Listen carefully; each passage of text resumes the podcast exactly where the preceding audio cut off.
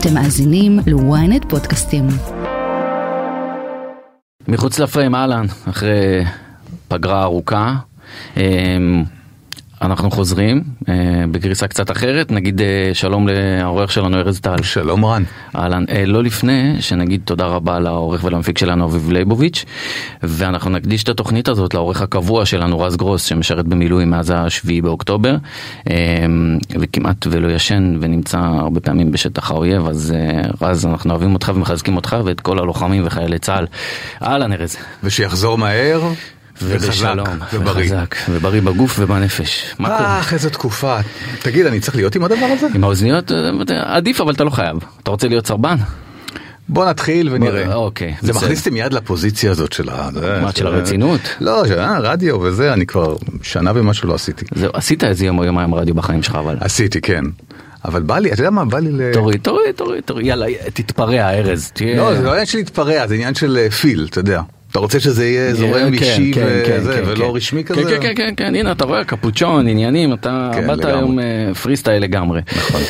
טוב, בוא נתחיל כאילו, תודה על המים. בכיף, זה תראו, ynet השקיעו. פינוק, כן, אנחנו גם בדרך כלל אין פה כוסות חד פעמיות, זה זכוכית, אבל אה, אתה מבין, אוקיי. אנחנו גם מחזירים. מצב חירום. כן. אה, ארז, אתה חזרת אה, למקום שלא היית בו לדעתי ממלחמת המפרץ, לעשות טלוויזיה בזמן מלחמה. אה, כן, וגם מה שעשינו במלחמת המפרץ זה בכלל משהו שונה לגמרי, זה מערכונים, אתה יודע, זה מערכונים כתובים. אז, אז זהו, אז עוד נגיע, אבל אתה... התחלתם ממש צמוד לתחילת המלחמה, התוכנית שלך עם אה, אברי, עם אברי גלעד בקשת. איך בכלל יודעים מה נכון, מה לא נכון לעשות בזמן הזה? לא יודעים כלום. תשמע, בכלל זה מצחיק איך זה התגלגל, כי אה, אברי סגר בקשת לדעתי חודשיים קודם, משהו כזה. נכון. עוד, אני זוכר ששאלו אותי בקשת מה אני אומר, אמרתי בטח תביאו וזה. אה, התייעצו איתכם להביא אותו. אה, אתה יודע, בקטנה, ואז אה, אחרי שהוא חתם, אז התקשרתי להגיד לו, אה, לברך אותו, ואז זרקתי לו, תשמע, אולי נעשה משהו פעם ביחד. מי היה מאמין שקאט שבועיים, חודשיים אחרי זה יקרה. מדהים. ואז הוא אמר לי, מה, מה, כן, אולי נעשה, מה, נעשה, מה בא לך לעשות? אמרתי לו, לא יודע, אולי כזה לונדון וקירשנבאום, אולי נהיה לונדון וקירשנבאום החדשים. אה, הוא אומר לי, אתה יודע מה, מתאים לי. והוא בכלל אה, יועד לאיזה רצועה אחרת, לאיזה משהו אחר. אתה לא "יו- תגיד אני אגיד, הוא יועד לרצועת צהריים? יפה. כן. ואמרנו יום אחד אולי זה יקרה. התחילה המלחמה, יומיים אחרי זה אה, מתקשרים אליי אה, מקשת, חיליק, ואומר לי, תגיד, אולי תעשה עם אברי ביום שישי אה, בחדשות, באולפן חדשות? מה בדיוק? הוא אומר, מה, שתעשו. וכך היה. עכשיו, תשמע, זה לא תוכנית, אתה יודע, כשעושים תוכנית, אתה יושב, אתה מתכנן, אתה אומר, אוקיי, מה נעשה, מה נביא, אין, זה, אתה יודע, מתגלגלים. ואתה גם, אה, זה גם, תראה, אני עושה טלוויזיה, כמו שאמרת, שנה וחצי, לא, זה נכון. אמרת על הרדיו. נכון. אבל אה, אה, יש לי תפיסה מסוימת של איך עובדים, איך זה, זה כל זה, אתה מרשה לי להגיד את התפיסה לדעתי? בבקשה. שהכל מאוד מתוסרט, הכל מאוד fine, הכל מושלם כזה, אתה בא, אין מצב שאתה בא לאולפן בלי שאתה יודע מי נגד מי ומה קורה. ומוכן מאוד. נכון. אתה לא יכול לעשות את זה ב setup הזה. שמע, המצחיק הוא, בתוכנית הראשונה, היה לנו את רון בן ישי, אורח ראשון. חברכם, ynet אה, לגמרי. וידיעות אחרונות לענייני צבא ואיש. יקר, ואתה יודע, זה היה כזה סמלי, כי הוא היה מפקד גלי צה"ל, כשאברי ואני היינו ב... וקניתי הספר שלו, מהר מהר, וקראתי אותו. כי אתה יודע, אתה צריך לבוא מוכן, הספר ה... ו... ומהר מאוד הבנתי שאתה לא יכול עכשיו להתק... לכל אורח להתכונן ככה, כי זה יומי. רגע, אז שנייה, בוא, בוא, שנייה, זה, זה חשוב להסביר למנחי הטלוויזיה, יש כאן הרבה מנחי טלוויזיה שמקשיבים לפודקאסט הזה, הרבה אנשי טלוויזיה, אז, אז בוא, נ- ארז טל, מתי אתה יודע שיש לך תוכנית ראשונה? יום שני? זה שלישי? נסגר, זה נסגר ביום שלישי, הקמנו מהר מהר מהר מערכת, ואז- מעולה אגב. במערכת אני אגיד, אשתי נטלי היא אחת מהמפיקות של התוכניות שאגב, שלך. אני הבנתי שאשתך לפני עשר דקות שאמרת נכון, לי את זה נכון, מטורף. נכון, נכון, כן. אני לא- אני עובד עם הבחורה מאז היום הראשון ואני לא ידעתי שהיא אשתך. נכון, עכשיו בגלל אתם שהיא- שומרים על אה, הפרדה כן, נאה. ובגלל שהיא אוהבת להיות מאחורי הקלעים אז אנחנו נעצור את השיחה עליה פה, אוקיי. אבל אה, אבל רק רציתי- מקסימה. אה, תודה וזה אותו דבר עליך למרות שכמו שאמרת יש הפרדה מוחלטת אבל נעצור את זה פה לפני אוקיי. שיהיה לי בעיות בבית. אה, אז בעצם אתה יודע שיש תוכנית ביום שלישי ואתה קונה את הספר של רון בן ישי? לא, אותו עוד לא? עוד לא, אה, כי- אתה יודע, הקמנו מערכת. ביום רביעי אמרנו אוקיי, את מי נביא וזה. רון בן ישי, ואז קניתי את הספר, ומהר מהר, לא, לא, לא ישבתי וקראתי את כולו, זה, אבל מהר מהר מהר זה, זה, רציתי לקרוא על עזה, רציתי מה הוא כתב על... Mm-hmm. ומהר מאוד אתה מבין שאתה לא יכול לעבוד ככה על כל אורח, זה יומי, זה, אתה צריך לתקתק, אתה צריך להסתמך על תחקירנים שאתה לא יכול בעצמך. וסיגלתי את עצמי עכשיו, זה היה גם להיכנס לאולפן שהוא לא, הוא לא האזור נוחות שלי, אולפן נכון. החדשות, אתה יודע, של... אני זוכר את הפעם הראשונה, התוכנית הראשונה, נכנסנו לאולפן, זה היה אחרי אולפן שישי, ונכנסנו לאולפן, כולם יושבים, אווירת נכאים, אתה יודע, יושבים שם כולם. ו... ו עכשיו אתה מחפש גם את הטון, מה הטון הנכון פה בתוך כל הדבר הזה, אתה אמור לעשות משהו קצת שונה מהחדשות, אבל עדיין... משהו יותר קליל. כן, אבל איזה קליל, עזוב אותך, אתה ב... ואתה באולפן החדשות וחרא וזה. וזה היה מאוד לא, לי זה היה מאוד לא קל.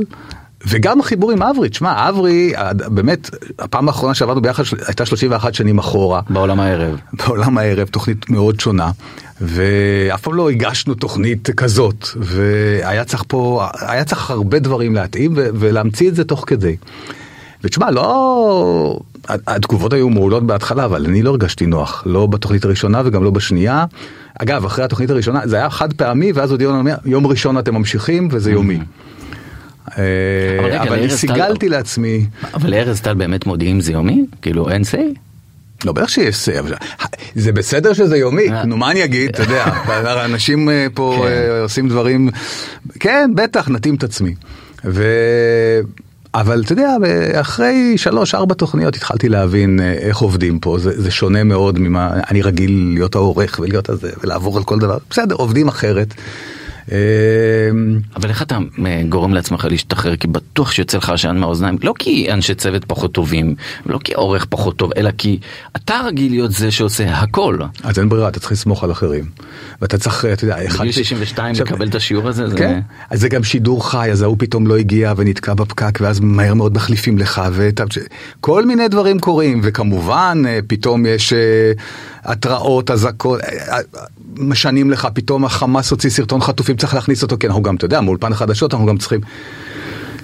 כמובן לא מראים את הסרטון אבל מתייחסים לסרטון. נכון. כל מיני דברים שאתה אני זה לא הדברים שאני עושה. אה, אגב בתוכנית הראשונה המשפט הראשון שאמרתי לא נוח לי פה אמרתי את זה אני אני הרבה פעמים אוהב לחלוק עם הצופים את ה...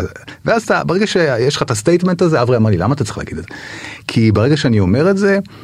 אז אני שחררתי, אני כאילו חלקתי את, ה, את המצב, את התחושה, ועכשיו בוא נעשה את המקסימום. זה בדיוק הפוך ממה שטלוויזיה, כי לצורך העניין אם אתה בא עכשיו לתוכנית בידור והיה לך חרא של יום, אתה לא תקרין את התחושה שלך לצופים, כי אתה רוצה לתת להם את האסקפיזם בלי קשר למה שאתה מרגיש. נכון, אבל פה הרגשתי, אני חושב שגם הסיטואציה הכללית והמצב והאווירה אפשרו לי להגיד את זה. והרגשתי נוח עם זה ואני שמח שאמרתי את זה ותשמע עם הזמן אה, אמרתי לך שלוש ארבע תוכניות אה, התחלתי להרגיש יותר ויותר אה, נוח. עדיין להגיד לך שזה. אתה יודע, כל חייך? לא, זה לא תוכנית כיף. אני, אני, תשמע, אנחנו מהתוכנית הראשונה מקפידים, עכשיו אולי טיפה פחות כי זה, אבל מה, משפחה אחת של חטופים, משפחה אחת שכולה. זה פחות, יש איזה מינון שאנחנו, כי בכל זאת לתת להם ביטוי. לא ידעתי את זה. ו... זה כמעט כל תוכנית קורה? כמעט, כן, עכשיו קצת פחות, כי...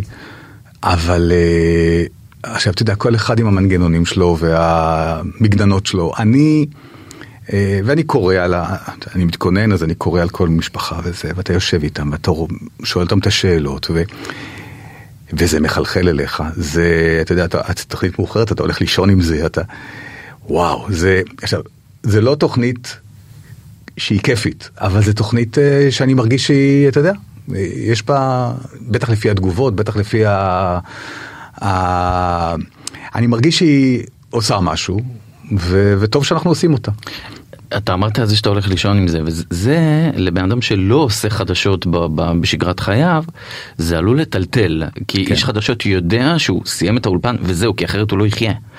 איך זה לך, שאתה לוקח את זה הביתה, כאילו, איך זה בא לידי ביטוי, הקושי? תשמע, אני אגיד לך משהו, זה כאילו לא לגיטימי לדבר על הקושי שלי בתקופה כזאת, כי יאללה, מי, מה אתה מבלבל את המוח? תראה מה אנשים, אנשים בעזה ואנשים אה, זה, ומשפחות וחס וחלילה וחטופים. אבל בחלקת אלוהים הקטנה שלי, אתה יודע, זה, זה, זה להתעסק ב, בדברים שהם אה, מחלחלים לך לנפש ו... ו... מאחרים את, ה, את החיים. בסדר, אתה מנסה, אתה יודע, אתה, לעשות הפרדה, אי אפשר לעשות הפרדה, אי אפשר.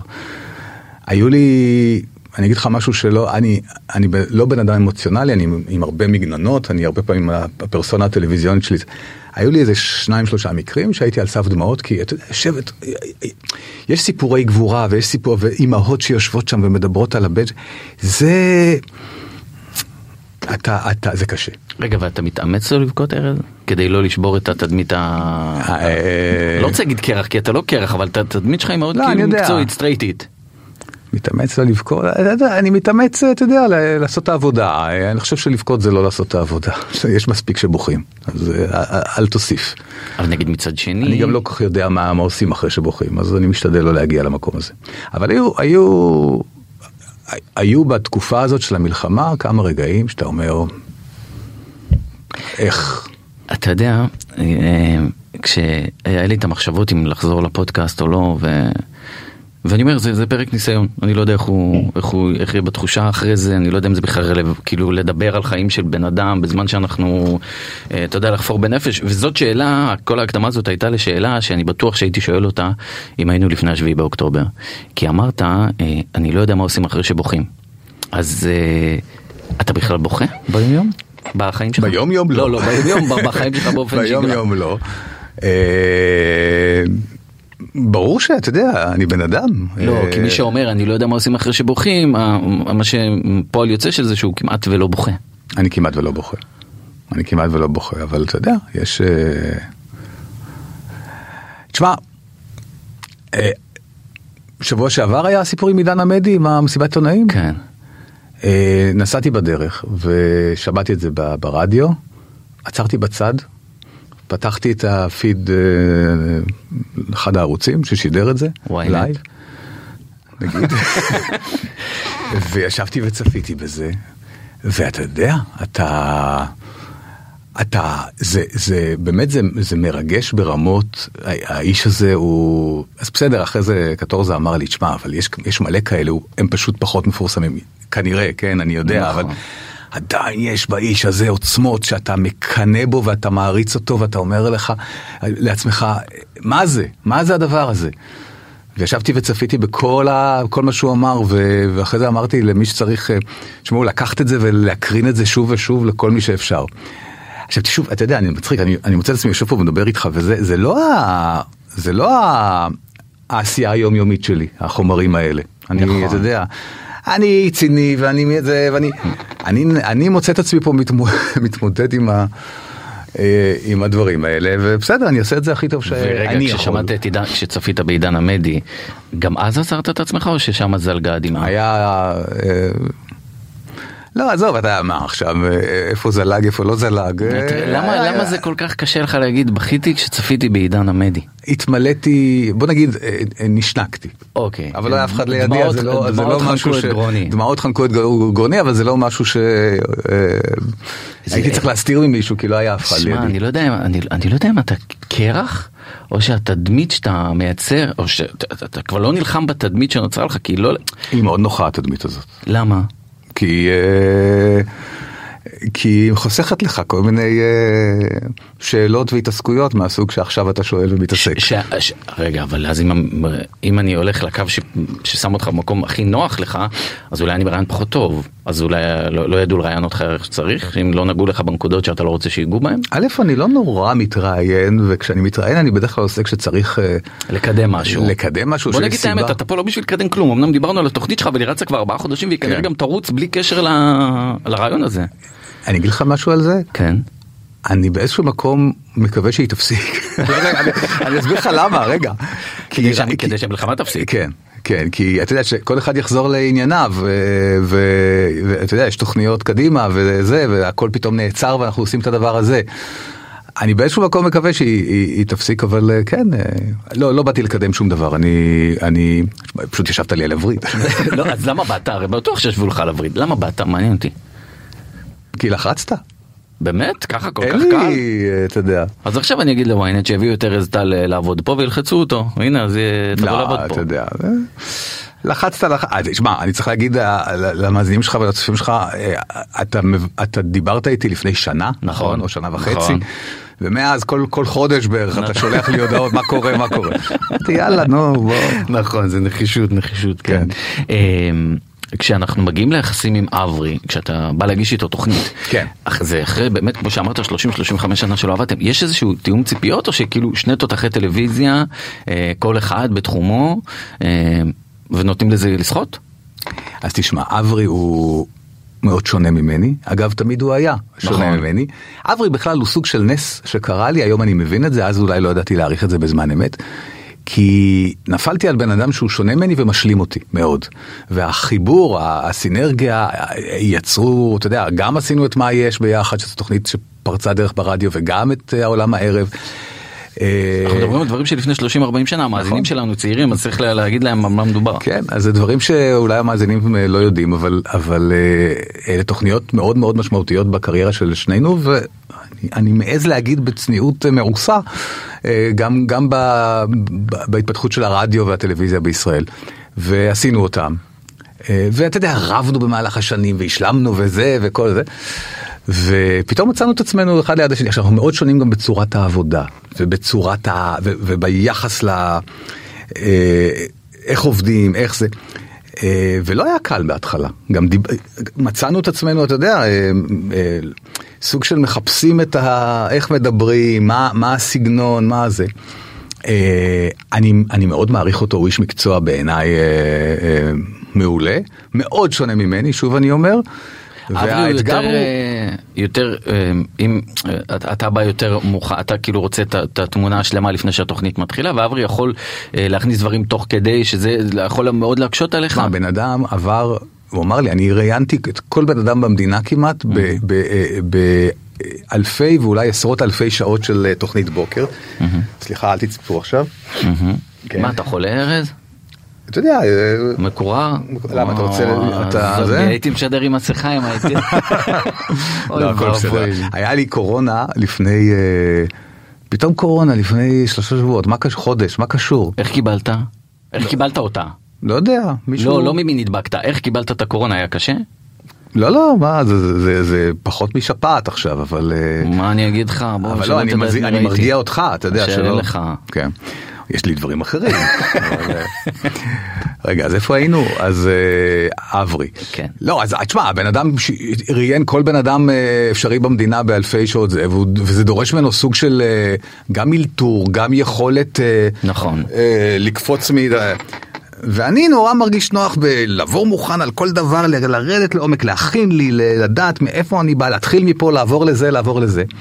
אה, זה היה אתגר, אבל אני חושב שמצאנו. את אתה ה- חושב שהצופה הרגיש את הפערים בתפיסת העבודה שלכם? איזה חיוך אתה דופק לי עכשיו? אה, אני לא יודע אם הוא הרגיש... מניח- ארז טל לא יודע מה הצופה מרגיש, אתה יודע מה הצופה מרגיש לפני שהוא מרגיש. אני מניח שחלק מהצופים ירגישו. אה, תשמע, זה לא סוד שאנחנו שונים, רואים את זה, אתה יודע. נכון, אה, זאת שאלה. אז, אבל אתה יודע, היו כאלה שאמרו לי, מה, הוא שונא אותך? מה, אתה שונא אותו? מה, אתה... ממש לא, אנחנו פשוט, אה, אתה יודע, אה, הוא נורא אוהב לה- להשתמש בהתדר, אנחנו בתדרים מאוד שונים, אה, בחיים זה- בכלל אגב, זה זה מה שיכול להיות יפה. נכון? נכון, בטלוויזיה. נכון. השאלה- לכן אני חושב שזה עובד. השאלה היא ארז, אתה אומר שאתה רצית שהתוכנית תיגמר בגלל שהמלחמה תיפסק, כמובן אנחנו לא מחפשים פה כותרות איפה כן. שאין, אמ, אבל אתה דיברת מקודם על לעשות לונדון וקירשנבאום יום אחד. אבל זה משהו אחר.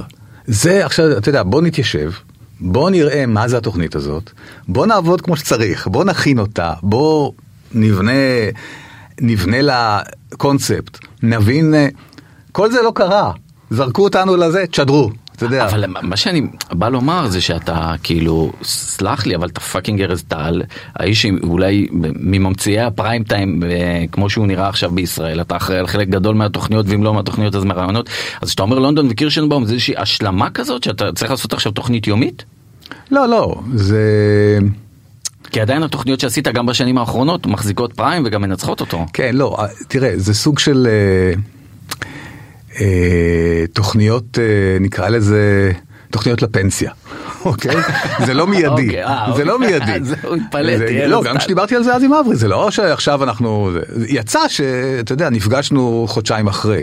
זה סוג של מה נעשה ב... Mm, הבנתי. תשמע, אני, מאוד אהבתי את לונדון וקירשנבאום, אני חושב שזו הייתה תוכנית מעולה, ואתה יודע, איך אמר, מאחר שחשפת את הגיל שלי לפני אה, זה, נכון. אז כן, אני בן 62 וחצי. וואה. יש את השיר של הביטלס When I'm 64 זה תכף, זה זה. ואתה מתחיל להגיד אוקיי אז מה מה קדימה מה פה מה שם ואני ואתה יודע עולם הטלוויזיה עולם הבידור וגם הטלוויזיה במידה מסוימת הוא מאוד אכזרי לאנשים ש... שהם לא צעירים. ו... ולונדון וקירשבאום זה דוגמה מעולה לאנשים שכופפו את הדבר הזה ועשו תוכנית רלוונטית ומעולה בגיל מאוד מתקדם. אני אז- רוצה לתקן אותך, ברשותך. יאללה. עולם הטלוויזיה והבידור הוא אכזרי, נקודה. נכון. יתר על כן, למבוגרים. הוא אכזרי בכלל. נכון. זה עולם מאוד אכזרי. עכשיו תמשיך, זה כדי שהמאזינים... ואני אגב, שכ- כמי שמתעסק בתוכניות, אה, התעסק לפחות בתוכניות יותר בידוריות, שטותיקיות וזה, שם הרבה פחות לגיטימי שהמגיש יהיה בן אדם מבוגר. למה אה, אבל? בחדשות כן. אה, רגע, למה בתוכניות בידור אה, פחות לגיטימי שהמנחה יהיה אדם מבוגר אז יותר? תראה, פה אתה עכשיו פותח תת פרק שאין לי בעיה לצלול אליו, אני לא יודע אם הוא נורא מעניין את הצופים, אבל ואני אומר צופים אבל יש מאזינים. כן. נכון. גם אה, וגם. אוקיי, אה, תראה, אני אתחיל ותעצור אותי אם אתה, אם זה מתחיל. יש בטלוויזיה, אה, איך שהיא נתפסת על ידי הצופים, נגיד תוכניות דוקומנטריות נחשבות מוערכ- מוערכות מאוד. נכון. תוכניות בידור, תוכניות סאטירה מוערכות, תוכניות בידור לא חייבים, זה משהו שהוא זה. ריאליטי בכלל, טראש, מה פתאום זה. עכשיו, זה ה... זאת התפיסה ה... הכללית. עכשיו, אם אתה פורט את זה לפרוטות, אז יש אה, תוכניות דוקומנטריות מחורבנות. נכון. ויש תוכניות אה, אה, ריאליטי שהן טובות. בסוף כל תוכנית היא מה שהיא, ויש, אה, ו, ולא בהכרח אה, הז'אנר קובע אם זה איכותי או לא איכותי. אבל עדיין בידור הוא, הוא מהז'אנרים הפחות מוערכים. ו... אלא אם אתה סאטירי ואז אתה, יש לך אמירות נוקבות ואתה בועט בבטן וזה. אבל אתה יודע מי מחליט את זה, ארז? בוא, אם כבר אנחנו בתוך זה, מי מחליט את זה בסוף? מי מחליט? זה הרי, אם אתה פורט את זה עוד יותר לפרוטות, אז העם צופה יותר בבידור ופחות בדוקו, ובסאטירה ארץ נהדרת היא בודד, בסדר? אני מחריג אותה. מי שמחליט זה אתם, זה הברנג'ה, זה אנשי הטלוויזיה. זאת אומרת, שאתם מחליטים שהבידור הוא ז'אנר נחות יותר, ככה הוא נתפס.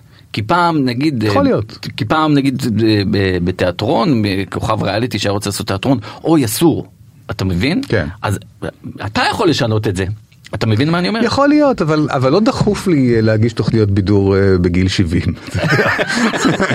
אז, אה, אז כאילו זהו, סיימת תוכניות בידור ארז? כאילו מבחינתך, אתה. לא, לא, תשמע, ממש לא סיימתי וזה. אבל אתה כן, אתה, אתה, אתה לא... אתה כן רוצה למצוא את עצמך במקום שהוא נוח לך ונוח לצופים. ולכן אלונה וקירשבאום זה נראה לי סידור טוב, קדימה. תגיד, אבל באמת לצופים ארז יש נוחות או שאנחנו מחליטים מה נוח להם? כי אם אנחנו מרגילים לא, אותם אתה לא באמת, אתה לא באמת, אה, תראה, אתה יכול אה, לנסות, אתה לא באמת יכול אה, להחליט בשבילם.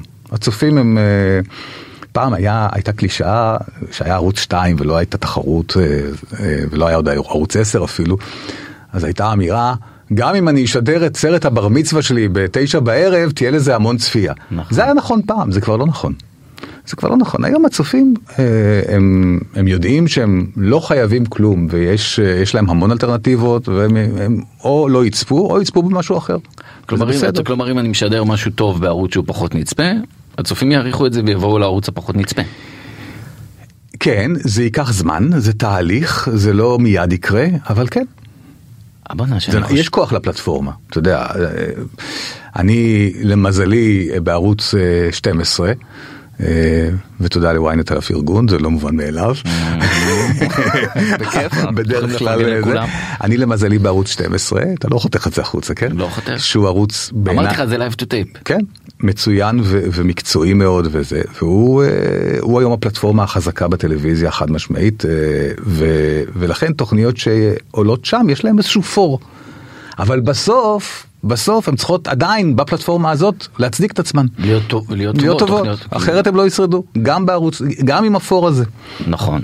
ש- זה אגב מתחבר ללונדון וקירשנבאום שאמרנו שאמרנו מה צופים רגילים לראות אז בעצם אז אתה כן יכול בעצם לשנות את התפיסה כמו שאמרת לא דחוף לך להנחות תוכניות בידור בגיל 70 נכון, ואני רוצה לדבר איתך. אבל אני גם לא אתנגד. אה, בוא, בוא נשמור את כל האופציות פתוחות. הבנתי אני רוצה אה, להגיע איתך ארז דווקא למקום אחד בקריירה שלך למרות שהיה לי נוח עכשיו בליינאפ בראש להגיע איתך להקמת ערוץ 2 אבל נחכה עם זה. אה, הכספת. זה? כן. אוקיי. אתה עשית שעשועון נסביר כל הזמן אני אומר כאילו מאזינים וזה אני מעריך את המאזינים ואת האלה שלהם אבל צריך לחזור על זה. אה, הכספת זה היה שעשועון שאתה המצאת אותו נכון? יש עוד מישהו שמגיע לו קרדיט בנושא שאני לא אשכח? כן, היה לנו צוות, אורי גרוס, רותי ניסן, אה, אבל אה, תראה, הכספת, סיפור הכספת הוא, הוא מעניין כי עשינו את זה רק בישראל, שהייתה תוכנית שמאוד הצליחה, וקשת אה, באו ואמרו לי, תביא לנו משהו לקיץ, תמציאו משהו לקיץ. ככה משהו נולדים הדברים הכי טובים תביא לנו. כן. ואז בדיוק המיליונר, מי רוצה להיות מיליונר התחיל בעולם, והיה מאוד מאוד חזק, ואמרנו, בוא, בוא, ניתן, בוא ניתן לזה, ננסה לתת לזה תשובה, נעשה משהו שהוא קצת יותר מהיר, קצת פחות... אה, בוא בחייאת ארז קח אותי לחדר שהשיחה הזאת קורית תכניס אותי לארבע קירות האלה. אז תעשו לנו משהו לקיץ, אה, בסדר? אתה יושב עם מי עם המנכ"ל אתה כן. והמנכ"ל מזמין אותך כן. תעשה לו משהו לקיץ כן, אוקיי. תעשו לנו משהו לקיץ, ואז הלכנו לחשוב, ואז אמרנו, מה אם נעשה את המיליונר שלנו שהוא קצת יותר זה וקצת יותר, ופחות אה, פומפוזי ופחות איטי. והתחלנו לעשות כמה סימולציות קטנות. במשרד, אתה ועשינו יושב טסטים. אתה יושב ואתה מציע רעיונות ויושב עם המנכ"ל ויושב עם ה... לא, עם הצוות, אה, אמרתי אוקיי, קודם, עם הצוות ש- גרוס וזה, אוקיי. כן. והתחלנו לעבוד על זה ו... ועשינו איזשהו טסט, אתה, אתה מתחיל בטסטים כאלה, ככה מצלמה כמו פה במשרד, יושבים ו... ובנינו איזשהו משהו ועשינו פיילוט אה, אחד שיצא, אתם ממציאים את החוקים תוך כדי כאילו של שעשוע הרי אתה מתחיל מאפס כמו שאתה אמרת אתה מתחיל כן. מדף בסוף. כן, ומשם אתם ממציאים את החוקים וממציאים את הכל. כן, כן. מדהים. אמ, וזהו, ולא, היה ברור שהבסיס הוא טריוויה, אבל רצינו, סתם, אם נגיד במיליונר, אה, שגם אותו בסוף הנחיתי, אבל נכון. אם בסוף במיליונר אה, יש, אה, לא יודע, אה, 13 שאלות בתוכנית, 14, פה אה, בעשר דקות יש 10 שאלות, אתה יודע, זה טק טק טק טק. רציתם קצב, קצבי. היה הרבה יותר, אה, זה, כן. בקיצור, עשינו כמה פיילוטים, אה, הפיילוט השני כבר נראה ממש יפה, וככה. באולפן? השני כבר היה באולפן, כן. ו... קוראים לזה הכספת? היו בהתחלה טסטים, כן, זה קראו לנו, קראנו לזה. הכספת מההתחלה, והיה לי מזל באמת, אני עשיתי את אה, גלגל המזל לפני זה, והיה לנו קשר, גם לי, גם לקשת, עם אה, קינגוולד, שלימים הפכו להיות CBS International, שהפיצו את גלגל המזל. והם, אה, אחד, סטיב פרידמן, לא משנה, בדיוק היה בארץ, וכשעשינו את הפיילוט, והוא אומר לי, מה אתה עושה בימים האלה? אמרתי לו, מחר אני בפיילוט, תבוא לבקר. והוא בא. רגע אבל אתה בראש העסקי שלך. ממש לא, ממש לא. מה? לא העליתי על דעתי, באמת, אף אחד לא העלה על דעתו, אז שמישהו בעולם יקנה פורמט ישראלי, באמת לא היה דבר כזה, השוק... אז סתם בתמימות אתה מזמין אותו הכנסת אורחים בוא תראה את הפיילוט? הוא שאל מה אתה עושה, אמרתי לו אני מחר באולפן וזה, האולפן, אה, זה היה אולפן מימד שהוא מאוד קרוב לקשר, אתה רוצה לבוא? ברמת החייל, כן. כן. תל אביב. אז הוא אמר כן כן מעניין אותי והוא בא. והוא כזה אני רואה אותו מסתובב מסתכל וזה תסביר לי תסביר לי איך זה עובד תסביר לי זה מתי אתם עולים אני זוכר זה היה אפריל נדמה לי אמרתי לו אנחנו מיועדים לעלות ביולי יולי 2000 כמה זמן אגב סליחה ארז מהרגע שאתם יושבים בחדר ואומרים "צ- תביא לי משהו לקיץ? בחורף? ינואר אה, אמרו לנו תביא משהו בערך חצי אולי, שנה. אולי דצמבר כן חצי שנה שזה יחסית אה, מעט. פיתוח מהיר כן. אה, ואז הוא אומר לי אתם עולים ביולי אוקיי אוקיי תשלח לי את הרייטינג מעניין אותי. אה לא ואז היה עוד משהו. המיליונר כאמור היה באוויר והוא אומר לי תגיד והתחיל להיות משודר ברשת הוא אומר לי תגיד איך זה יעשה לעומת המיליונר. עכשיו תשמע אני אז הייתי ב... הייתי אז אה, מלא ביטחון שלא לומר שחצן בלתי נסבל אה, באמת, הייתי אז, ב... היו לי... ואמרתי לו, מה זאת אומרת עוזי עשינו למיליונר? אנחנו נכה אותם. הוא אומר לי, כן, תכה אותם? אמרתי לו, כן, אנחנו תוך חודש עוברים אותם ברייטינג. נגיד אז ערוץ 2, אה, קשת שידרה במספר ימים, נכון. רשת וטלעד. נכון. ערוץ 2 של תוך חודש ימים. אנחנו עוברים אותם ברייטינג. אמר לי, כן, אז תשלח לי את המספרים. למרבה, היינו פעמיים בשבוע עם הכספת, ובשבוע השני כבר עברנו את המיליונר ברייטינג. ושלחתי לו את המספרים. בשבוע השני. לא בראשון. כן. ואז זה קרה מהר מאוד. הוא אמר, אתם רוצים למכור את זה בעולם? וזה, ובאמת, אני, זה נשמע היום, אה, היום הרבה אנשים שהם יוצאים לתהליך כזה, יש להם in the back of their mind את המחשבה, אולי גם בסוף נמכור את זה לעולם. אבל פה לא העלינו על דעתנו שמישהו בכלל יתעניין. והוא אמר, תנו לי את ה... אתם רוצים לתת לנו את, הזכ... את הזכויות למכור ב... קיצור, מהר מאוד נסענו ללוס אנג'לס, הם באו אלינו, התחילו זה, טק, טק, טק, טק, וחתמנו. ולא ידענו אפילו על מה אנחנו חותמים. ו... אה, והם התחילו למכור את זה בעולם. וזה היה, אתה יודע, תוך חצי שנה התחילו לרוץ גרסאות של זה בכל מיני מקומות. היה לנו באמת המון מזל, כי המיליונר, אתה יודע, תחנת טלוויזיה שלא היה לה את המיליונר, חיפשה תשובה, וזה היה סוג של תשובה, ו... הפאזל.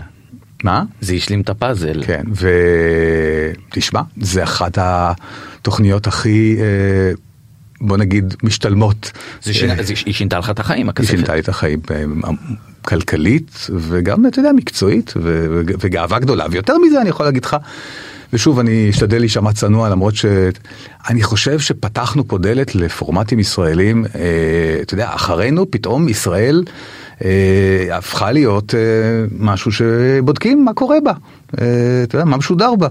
ו, וזה גאווה מאוד גדולה שאחרינו, אתה יודע, פתאום מבול של פורמטים, של סדרות, של דרמות, של זה, התחילו להימכר אז בוא בעולם. תראה מרוב ההתרגשות שפכת שפכתי את המים. כן, אבל... דיבור עם הידיים. אבל, אבל אני אגיד, אני אשאל אותך משהו.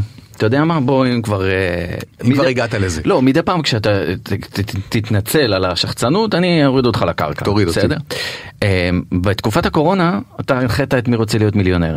למה לא החייתם את הכספת? אז היו דיונים על זה.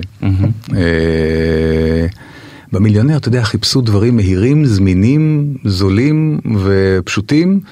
והיה דיון, אני, אני, אני שאלתי בדיוק את השאלה הזאת, למה לא נעלה את הכספת והחליטו בסוף ללכת על בטוח, כל מיני גם שיקולים אה, כלכליים? אה, גם כלכליים, גם אה, של חוזים, גם של זמינות, גם של פה, גם של שם, אבל לגמרי היה, הייתה מחשבה גם על זה. כן. אה, ו... תראה, בסוף צריך להגיד את האמת, המיליונר הוא מותג, עם כל ההצלחה של הכספת וזה, המיליונר הוא מותג יותר חזק. אה, והמיליונר אז, בקורונה, התחיל לצוץ בכל מיני מקומות, הכספת לא, המיליונר כן. אה, אבל יכול להיות שאם הייתם מעלים אותו כאן, את הכספת כאן. ברור, אבל אם נגיד ערוץ 2 של, אה, של, שנות ה, של שנת 2000, היה לו את הגרייס הזה ואת הכסף הזה של יאללה, תעשו פיילוטים, ת, תהדקו, אז בקורונה לא היה את ה... בוא, נ- בוא נלך על בטוח. וכשאתה בעצם, הכספת פותחת לך את הדף החדש הזה של להמציא דברים, וזה זה, זה, אה, זה הוביל אותך למקומות שקצת התאכזבת מהתוצאות אחרי זה, של דברים שניסית לעשות? ב- תשמע, זה כל כך עבד מהיר ויפה. שאמרת, יאללה, בוא שאתה. אומר יאללה יש פה זה זה לא זה עשינו דברים גם אחרי זה עבדתי גם שנה וחצי בחברה הולנדית שקשת היה לה קשר אליה ופיתחנו פורמטים וזה. זה הרבה יותר קשה וזה הרבה יותר סיזיפי ממה שקרה לנו בכספת, בקרה, בכספת קרה לנו נס. כמו מהמר אה, מתחיל בקזינו. ממש, ממש. מרוויח בפעם הראשונה. ואז- ועשינו פורמטים וזה, היו גם כאלה ש... אבל זה לא היה הכספת. זה, ו, ו, ו, וכשאתה הולך ב, בדרך הקשה וה, והסיזיפית וזה, אז, אז אתה, אתה קצת... אה, אתה קצת, אה, לפעמים זה מתיש. ולפעמים... בוא נוריד רגע את החמור הזה מהגב אז נחזור למלחמה. אה, 2025 זה פורמט שאתה לא, לא היית אמון על ההמצאה שלו, היית אמון על ההמצאה יחד עם יורם זק? כן. 2025 זה, זה, אתה יודע, איבדנו, בקשת איבדה את הזכויות של האח הגדול, אה, התחלנו לחפש דברים אחרים, אה, יורם ואני הבאנו כל מיני הצעות, כל מיני כיוונים, אה, החליטו ללכת על הכיוון הזה. תשמע, זה, זה פיתוח של, אפשר להגיד של, של הבניין כולו, אבל אני לגמרי לוקח אחריות על החלק שלי שם והכל. לא מובן מאליו בימים אלה. ואני חושב שאתה יודע, אפשר להיכנס לניתוחים של זה ומה היה שם והכל, אבל אני, אני אגיד לך את זה ככה. זה כמו שיש טבח שמבשל, והתבשיל הוא נהדר, אבל תבלין אחד או שני תבלינים לא נכונים, ופאק, הלך כל התבשיל. Mm-hmm. ואני לא יודע לבשל. אבל, אבל, אבל בטלוויזיה אני קצת כן מבין. וזה פגע לך שארז טל הגדול, מר טלוויזיה, מר בידור, לא עומד בציפיות של עצמו? אני לא מדבר על הכלל בכלל. ברור, זה לא כיף בכלל. זה לא כיף בכלל, וזה... אבל תשמע, הנה עוד מחמאה לקשת ו... אה, ונלך על זה, היי ynet. אה, צריך גם לדעת איפה להיכשל. ו... ובאמת, לא הייתה שום, לא רק שלא הייתה הטחת... איפה מבחינת המקום עבודה? כן, כן. אה. לא הייתה שום הטחת האשמות, והיה ברור שזה פרויקט של, של הבניין, ו, ורק ניסו להבין תוך כדי איך אפשר לשפר ואיך אפשר לתקן, ובאמת אה, אבי ניר אישית היה מגיע כל יום ליבנה, היינו יושבים שם ושוברים את הראש וזה. לא הלך. איך אבל... אמרת עם עצמך אבל? כן. אתה... תשמע, זה מאוד לא כיף, אבל אתה לומד עם השנים שלא הכל, אה, לא הכל דבש, וצריך גם להתמודד עם כאלה. וחבל לי ש... שזה לא עבד. אני חושב שבקונסטלציה אחרת, וכמו שאמרתי קודם עם התבלינים, mm-hmm. זה כן היה יכול לעבוד. אבל... כאילו היום אתה יודע מה לא היה בסדר? נגיד, אני לא, לא אכנס לא. לזה כי זה עניין, אתה לא יודע. אני לא חושב שאני יודע במאה אחוז, אבל אני יודע בתהליך. על לפחות שלושה צמתים שהפנייה הייתה שם אה, לא נכונה. Mm-hmm. וזה פגע ברצון שלך להמשיך ליצור, להמציא? לא, פג, לא פגע לי ברצון להמשיך ליצור להמציא, כן פגע לי ברצון להמשיך להתעסק עם פורמטים. אה, גם השנה וחצי בחברה ההולנדית הזאת שעשינו אה, דברים וזה שהייתה חוויה, אבל גם, גם אה, אתה, אתה פתאום מבין את הצד הפחות סימפטי של הפיתוחים האלה, את העניין ה... שזה המון המון קשרים וסוכני מכירות וכל מיני אינטריגות זה ו... עזוב, זה עולם הרבה יותר באמת מה שקרה בכספת זה וואו, זה איך, איך זה קרה לנו. אז אה, ואתה יכול ואתה צריך לבחור אם אתה צולל לשם או לא צולל לשם. ואתה בוחר שכרגע אתה יוצא מהמים. וכרגע כן אני, אני לא חייב אני יכול לעשות את הדברים שלי והכל אז אני לא שם. בפיתוחים. אם יהיה משהו שהוא אה, אתה יודע אה, שהוא פיתוח שיבוא לי לעשות ובסוף גם אפשר יהיה למכור אותו לחו"ל אני לא אתנגד אבל אני לא אעשה עכשיו אני לא אשב עכשיו ואני אפתח פורמט לחו"ל. אמ, טוב בוא נחזור לענייני מלחמה דיברנו על זה שבמלחמת המפרץ אתה הנחית זה היה אולפן פתוח נכון ככה זה היה נקרא אני הייתי אז בן שנה לדעתי שנתיים. תראה במלחמת המפרץ עשיתי שני דברים. גם העולם הערב עם האברי אה, אוקיי. בערוץ 2 הניסיוני וגם החינוכית. אני אז בעצם התחלתי בטלוויזיה. הפעם הראשונה שעליתי בטלוויזיה הייתה בפורים 1990. אה, עד אז לא רציתי לעשות טלוויזיה בכלל זה נראה לי נגיד אברי נורא משך לטלוויזיה ועשה כל מיני עד פופ עוד להיט, אני לא רציתי, לא רציתי. למה? למה? כי, כי הרגשתי מאוד טוב ברדיו. אגב, שוב, השליטה, הצורך שלי ב... לשלוט בכל הדברים, ובטלוויזיה אתה תלוי בבמאי, בצלם, בתאורן, בזה, בזה, עזבו אותי. אני, ככה אמרתי לעצמי אז, היום אני כבר מבין שזה לא, אני רדיו ואני, ותשמע, זה מצחיק להגיד רדיו וזה, כי, אבל רדיו אז היה מאוד מאוד חזק ומאוד מאוד עוצמתי, אם תרצה נדבר על זה אחר כך. ארז, אנחנו מדברים לפני כמה, בערך 40 שנה. 1990. ואני רדיו עושה מ-79. רגע, אני מחשב בין כמה אני כי נולדתי ב-89 בגלל זה אני של מילים ולא של מספרים אז אנחנו מדברים על לפני 30 תעזור לי מה אתה אומר אוקיי 34 שנה? 89 30 כן. 34 שנה, אוקיי. 35 כבר. כן, וואה. זהו, ורגע עכשיו קטעת לי את חוט המחשבה, מה אמרתי? כן, התחלת להגיד קיצור אברי נורא רצה טלוויזיה, ואני לא רציתי להגיע לטלוויזיה וזה, ואיכשהו, אה, אה, איכשהו אה, אברי גרר אותי, עשינו תוכנית אז בגלי צה"ל, קראו לה כישרופון, ו... שאברי היה עושה דמויות ואתה היית מנחה. לא, לא, לא, לא, זה מה יש. אה, אוקיי. זה מה יש, אבל אוקיי. אחרי זה עשינו איזה תוכנית mm-hmm. שאנשים שטותית לגמרי, שאנשים היו צריכים להתקשר ולעשות כישרונות בטלפון. Mm-hmm. ואז מפה לשם נהיה איזה יוזמה שמפעל הפיס עשה, אה, אפשר לעשות איזה גרסת הגמר בטלוויזיה, ואברי אמר בוא נעשה את זה בטלוויזיה. זה היה אחד. ושתיים, איציק קול עליו השלום אמר לי בוא תעשה תוכנית בערוץ הראשון.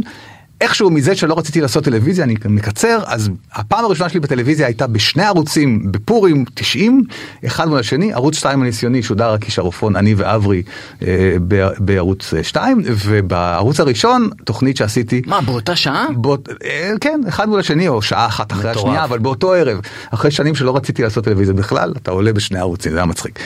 ואז אה, מישהו ראה את זה בחינוכית, והתקשר אליי. אה, והציע לי לעשות רואים 6-6, רואים 6-6 הייתה תוכנית אה, מאוד מוערכת ששודרה בשידור חי, ארבע שעות, והייתה בעצם מין לייב אה, כזה עם, עם תוכנית אינטראקטיבית ראשונה, mm-hmm. ואני מאוד שמחתי שהציעו לי את זה. ו, ואז בעצם עשיתי רואים 6-6, כשהתחילה מלחמת המפרץ, הרואים 6-6 זה הפך להיות האולפן הפתוח של החינוכית. Mm-hmm. אוקיי? אני מקווה שהצליחו לעקוב אחרינו ו, ועדיין איתנו. אם אני הצלחתי, הם הצליחו. ואז האולפן הפתוח של החינוכית שידר במשך, שוב, היה, היה ערוץ ראשון והיה ערוץ ניסיוני, הערוץ הראשון שידר שעות על גבי שעות, אבל החינוכית החזיקה את רוב שעות היום, mm-hmm. והצוות של רואים 6-6 עשה את זה. החינוכית שודרה בערוץ אחד. כן. ו... וחוץ מזה עשיתי העולם הערב עם אברי בערוץ 2 הניסיוני. בואנה, מה, כמה היית בן 30 ומשהו שהבאת כל כך הרבה וזה, ולאחד שלא רצה טלוויזיה? הייתי בן, הייתי בן uh, 30, בדיוק. וואו. כן. וזהו, ו... וזה היה התנסות מאוד מעניינת. לייב התגלחתי על הצופים מהר מאוד. ו... אה, כולל סיטואציות הזויות שאתה יושב בקפיטריה של החינוכית ואז אומרים לך מהר עוד עשר דקות הם מעבירים לנו את השידור וזה ואתה רץ לאולפן וכל מיני דברים, מה הניסיון שלי, מה... ו... ואתה ו... מתרגש ארז? כי כשאומרים לך דבר כזה אתה כאילו הלב שלך קורע את החולצה עוד שנייה? אני, אתה מתרגש ומצד שני אתה אתה אומר אוקיי אני פה עם מה שיש לי אז אני אעשה אתה יודע אני אני השיטה היא תמיד לחלוק עם הצופים את, ה, את הסיטואציה אתה יודע mm-hmm. אני זוכר שקראו לי אז ב... מהקפיטריה ושמו אותי באולפן ודחפו לי איזה מישהו ואני אפילו לא הספקתי להבין מי זה האיש הזה. וחמש ארבע שלוש שתיים ו... דבר. ואתה יושב מול בן אדם שאתה לא יודע מי הוא ואתה אמור אה, להתחיל שידור. ואז אה, שלום האולפן הפתוח הטלוויזיה החינוכית השעה זה ונמצא איתנו בוא תציג את עצמך. ואחרי שעברתי את זה אז אתה כבר אתה יודע. אתה כאילו אתה יודע להתמודד עם הלחץ הזה שזה היה בהתחלה שלך בטלוויזיה. כן. ותספר לי על ההבדל יש המון הבדלים אבל כאיש טלוויזיה על ההבדל בין מלחמת המפרץ אז לבין אה, להמציא משהו בטלוויזיה עכשיו שהוא יהיה מתאים, אתה יודע, זה... תשמע, בוא נלך עוד, עוד אחורה יותר, וואה. אוקיי? אה, נולדת ב-89 אתה אומר? כן. אתה צעיר. אה, ב-82 היה מבצע שלום הגליל לימים מלחמת לבנון הראשונה. ואני אז הייתי בגלי צה"ל וכל החברים שלי היו, אה, אני הייתי שלוש שנים כבר בגלי צה"ל, הייתי בן 21. אה, לא, הייתי בן, כן, הייתי בן 21. וכל החברים שלי היו בחזית, ואני הרגשתי נורא עם זה שאני בגלי צה"ל, נורא. והלכתי לקצינת ארגון ואמרתי, אני רוצה גם לנסוע ללבנון, לשדר משם. היא אמרה לי, מה תעשה? כי לא הייתי כתב, הייתי קריין, הייתי מגיש, לא... אמרתי, מה שתגידו, אני אעשה דשים, אני אעשה... ממש לחצתי עליה. ואז אחרי יום היא אומרת לי, אה, טוב, אתה יודע מה, אנחנו מסדרים לך אה, רכב אה, שייקח אותך עם נהג ותיסעו, תאספו דשים, תעשו זה. מפה לשם אה, עשיתי מה שעשיתי, הם היו מאוד מרוצים, למחרת אה, אילון שלו, סגן מפקד גלי צה"ל, אומר לי, אנחנו אה, שולחים ניידת שידור, קיבלנו אישור, אתה היחיד שיכול לשדר שידור חי, הצנזורה אז הייתה מאוד חזקה. אנחנו שולחים אה, ניידת שידור לצור, תפגוש אותה בצור. ואני והנהג, היה לנו אה, עוזי אז, אה, אוקיי, צריך להגיע לצור, היינו, ישנו בקריית שמונה, איך נכנסים לצור, נכנסנו דרך ראש הנקרה, אה, לא, אתה אמור להיכנס דרך ראש הנקרה, אבל נכנסנו דרך מטולה, כי אמרתי, יאללה, בוא נעשה ככה וזה, ואתה נוסע, ואתה, אתה, אתה יודע מה? זה שלא נהרגתי שם שש פעמים זה, זה נס. אתה נוסע ואתה מגיע ל... אני זוכר שהייתה איזה חבית ועומד חייל ואומר לי, מה אתם עושים פה? אז אני צריך להגיע לצור. מה פתאום לצור? אנחנו מטהרים עכשיו את הכפר הזה. אה, אז, אה, ואז הנהג אומר לי, מה עושים? נ, נ, נ, נקיף את זה ונמשיך. עברתי שם דברים שבאמת בנס. אה, אבל כתוצאה מהשידור הזה שגם ממנו היו מרוצים, נשארתי בלבנון ארבע, ארבעה חודשים. בסוף גם כשנכנסנו לביירות, שבוע אחרי זה, אז היינו בקולג' בביירות שם, ושם ישנו, ובבוקר... אתה משדר משם. כן. ואז כל פעם שלחו לי ניידת שידור, וכל פעם היינו נוסעים לחיילים ועושים מהם שידור. ותשמע, זו הייתה חוויה, אה, אתה, אתה בעצם שם, אבל אתה כמו זבוב על הקיר במלחמה הזאת. זבוב על הקיר במלחמה הזאת, אתה, אתה כל פעם עם, עם חבר'ה אחרים, אתה מסתובב. אה, ואני רק אגיד שאתה לא מעכל את מה שאתה רואה. אתה לא מעכל, אתה רואה שם דברים, אתה יודע. אה, ו... ו... קח אותי לדבר שהכי אפשר להגיד אותו בשידור, אבל היה הכי קשה לראות. כלומר, לא צריך... אה, הגעתי לחבר'ה שישבו בג'בל ברוך, אני חושב זה היה. ו... ועשיתי איתם שידור ודשי וצחוקים ועניינים ולהרים את המורל וזה כל השטויות. ואז אחד אומר לי אחרי שסיימנו את השידור, תמיד הייתי גם יושב אחרי זה לאכול איתם צהריים בהזדמנות הצהריים, ואז סיימנו את הצהריים ואז הוא אומר לי, אתה רוצה לראות משהו מעניין? אמרתי לו כן. ואז הוא לוקח אותי, אומר לי רק תיזהר. תל, תלך בדיוק איפה שאני הולך, ואני הולך אחריו, הולך, הולך, ואחרי איזה שתי דקות הליכה, אני רואה גופות. גופות של, אה, הוא אומר לי, זה מחבלים שהרגנו, זה גמרת, סורי, גמרת זה אותי, זה. חשבתי זה שלנו, וואי וואי, אמרתי, למה ביקשתי ממך, אי אפשר לערוך פה. ו... ו... ואני לא מאמין, אני הולך בתוך הדבר הזה, והוא אומר לי, רק, רק תלך פה כי יש נפלים ויש כל מיני דברים, אל תדרוך. ו... ואני לא יודע למה הוא לקח אותי לשם, יכול להיות שהוא, אתה יודע, ראה את ההוא מגל"צ שהגיע אליו Mm. לעשות צחוקים, אז הוא קצת רצה זה, הוא הצליח. לא, עברנו שם הז- הזיות, הזיות, אתה יודע, אה, אני... אני... שמע, אתה יושב בב- בביירות, בערב אתה אומר, אה, אה, בוא, בוא ניסע, אתה יודע מה זה ג'וניה? זה, זה מצפון לביירות, זה כמו נגיד הרצליה ביחס לתל אביב, אז יש ג'וניה ביחס, ל- בוא ניסע לג'וניה, מה קרה? ג'וניה זה של הנוצרים, צה"ל מעולם לא כבש אותה, בוא ניסע, בוא נראה. ואתה נוסע, כמו מטומטם, יש שם תחנה, תחנת רדיו של הנוצרים, בא לי לבקר אותה. ואני נוסע זה לשם. נאיבי. כן. ואנחנו שואלים, איך מגיע, איפה זה, שואלים בדרך כזה. ואתה מגיע, ויוצא אליך אה, אה, שומר כזה, והוא, עכשיו מה הוא רואה? הוא רואה שני חיילי צה"ל, כן, הוא במדים כמובן, אני והטכנאי שנסע איתי. ואתה רואה, הוא נהיה לבן, מה אתם רוצים? אז אמרתי, לא, באנו לבקר בתחנה. איך זה, איך זה נשמע? זה לא נשמע טוב, נכון? אז הוא, הוא ממש, הוא אומר, רגע, רגע, אז אני אבדוק אם אתם יכולים להיכנס. לא, אנחנו רק רוצים לעשות סיור קטן וזה. כשאני מסתכל על זה רגע מהצד, איזה אידיוט, איזה אידיוט, אבל, אבל אז לא. ו... ואז יוצא פתאום בן אדם עם עניבה, ו... ואני אומר, מי זה?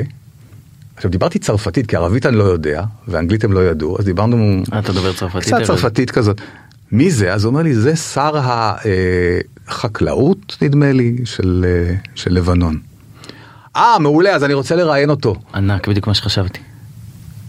ואני, היה לי, ב, ב, ברכב היה לי אה, מכשיר הקלטה, אני מוציא את הזה, מוציא, ואני בא אליו ואני אומר לו, שלום, אני מ-IDF, אה, אה, זה, אני... אה, אמרת שאתה מהצרפת. מה? אמרת שאתה מצרפת. לא, לא, IDF... אמרת מצרפת, סליחה, סליחה, כן, כן עכשיו, כן, כן, סליחה. ואני רוצה לשאול אותך כמה ש... נו, נו, נו, נו, נו, נו, נו, נו. אתה רואה אותו? נו, נו, נו, נו, נו. פר פבור. לא. טוב, לא, אז לא, אתה יודע. עכשיו...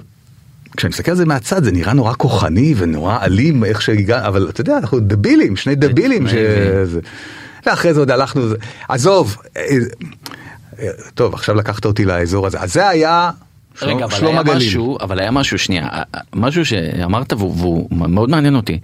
אמרת אז הייתה צנזורה צבאית חזקה. מאוד. איך אתה יודע מה אתה יכול לשדר או לא כשאתה נמצא בביירות, איך אתה יודע מה שאתה אומר הוא אז- לא אז פגיעה לי- בביטחון אז- המדינה אז אז. לי אפשרו, כי אה, בגלל שזה כאילו רק דשים וצחוקים ולכאורה לא נכנסים למקומות, ידעתי שלא צריך לדבר על, על, על, אה, על דברים שהם, אה, ש, שמסגירים אה, מיקומים או כאלה. קיבלת קווים כלליים. הייתה פעם אחת שנתנו לי בראש, כי דיבר, אה, שידרנו מליד איזה מנחת מטוסים מאולתר שעשו שם, ואמרתי שאנחנו במנחת מטוסים מאולתר, ומיד, מה אתה זה, מה אתה מדבר, וזה, ואסרו עלינו אחרי זה יומיים לא לעשות שידורים חיים, אבל אחרי זה אפשרו לנו, כן?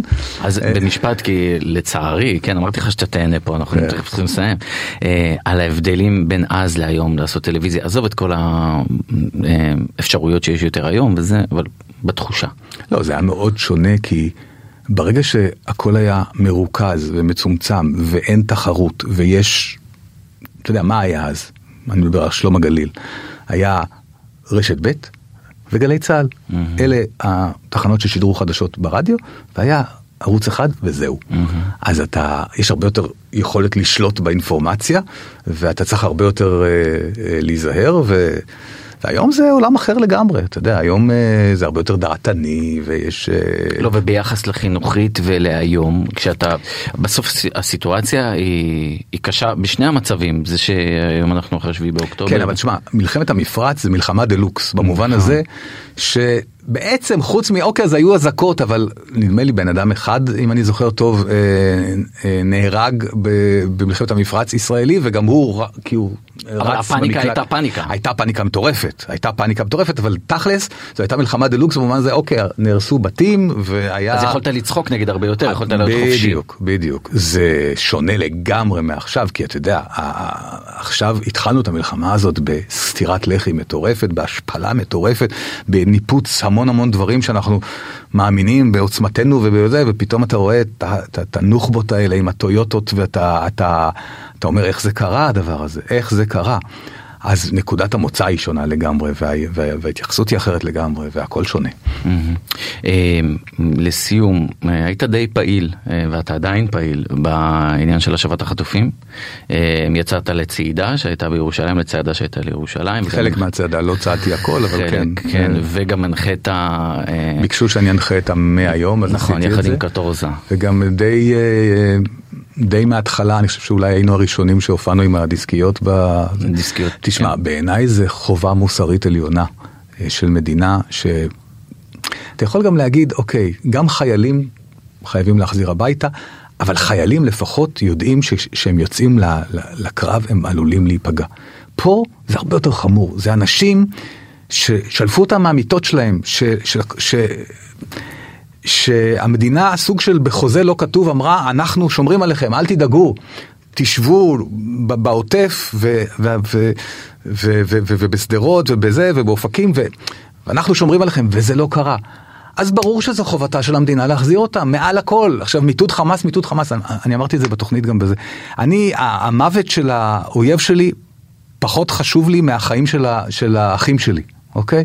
קודם כל אתה יודע, גם, גם הנוסחה הזאת של מיטוט החמאס והחזרת החטופים, ואם זה לא הולך ביחד, אז, את- ואתה צריך להחליט, אז החזרת החטופים קודם כל, ואחרי זה תכסח לסינואר את הצורה, יהיה לך זמן. מהמם. ארז, אפשר להגיד שהמלחמה שינתה את תפיסת העולם שלך? המתקפה, מתקפת הטרור בשביעי באוקטובר שינתה את תפיסת העולם א', שלך? אני חושב שכולנו אה, חטפנו סטירה וכולנו היינו צריכים קצת לרענן את אה, זה. אה, האם היא שינתה? ביחס לאויב, אני מתכוון. אה, זה ברור. תראה, אני הייתי, אה, נקרא לזה סוג של אה, אה, הרבה יותר אה, מרכז שמאלה עד אוסלו. אוסלו זה המקום הראשון שפתאום ככה התנערתי ונהייתי כזה מרכז מרכז. יותר ימינה. אני עדיין שם, אני חושב, ב- ב- ב- בתפיסה שלי, ב- גם אחרי אה, שבעה באוקטובר, אה, אבל... זה בכלל לא שאלה פוליטית סיפור החטופים. זה בכלל זה זה לא, לא, לא, אני שמתי נקודה מהחטופים, לא אבל גם, גם, גם זה שהחטופים נהיה עניין אישו פוליטי זה מטורף זה מטורף. מה? מה קשור? מה מה אנחנו יודעים מה מה הדעות של, הח... של האנשים שנמצאים שם צריך להחזיר גם אותם אם זה הביתה. הפוך, גם מה זה משנה בכלל, גם אם לא חושבים כמוני, גם אם צריך להחזיר אותם נכון. הביתה בגלל חוזה לא כתוב כמו שאמרת נכון. עם המדינה. אז אתה אומר שהשביעי באוקטובר לאו דווקא אה, הזיז אותך ימינה יותר, כלומר כי אתה אומר שכבר, ש- אז זה אה, זה לא עניין של ימינה או שמאלה זה זה עניין של התפכחות מהאשליה. אה, של אה, מהקונספציה כן אתה יודע אני אני לא מקבל החלטות ואני לא זה אבל כן גם אני הייתי באיזושהי קונספציה שכן צריך ברגע שהם יאכילו אותם וישביעו אותם ו- ו- וייתנו להם את מה שהם צריכים, אז הם יהיו רגועים. לא, הם לא, כי הם רוצים להרוג אותנו, וזה, מה זאת אומרת? ואנחנו ננצח בסוף. לגמרי. ארז טל, ממש תודה שהגעת אלינו. תודה שהזמנת אותי. אה, ואנחנו נודה שוב לטכנאי ולעורך ולמפיק שלנו אביב ליבוביץ', וגם לרז גרוס, אמרנו, המפיק והעורך הקבוע שלנו שנמצא במילואים מאז השביעי באוקטובר, הוא והרבה מאוד לוחמי צה"ל, ואנחנו מקדישים את הפרק הזה בשבילכם, והלוואי שתחזרו הביתה בשלום, אתם וכל החטופים. אני הייתי רן בוקר מחוץ לפריים, תודה.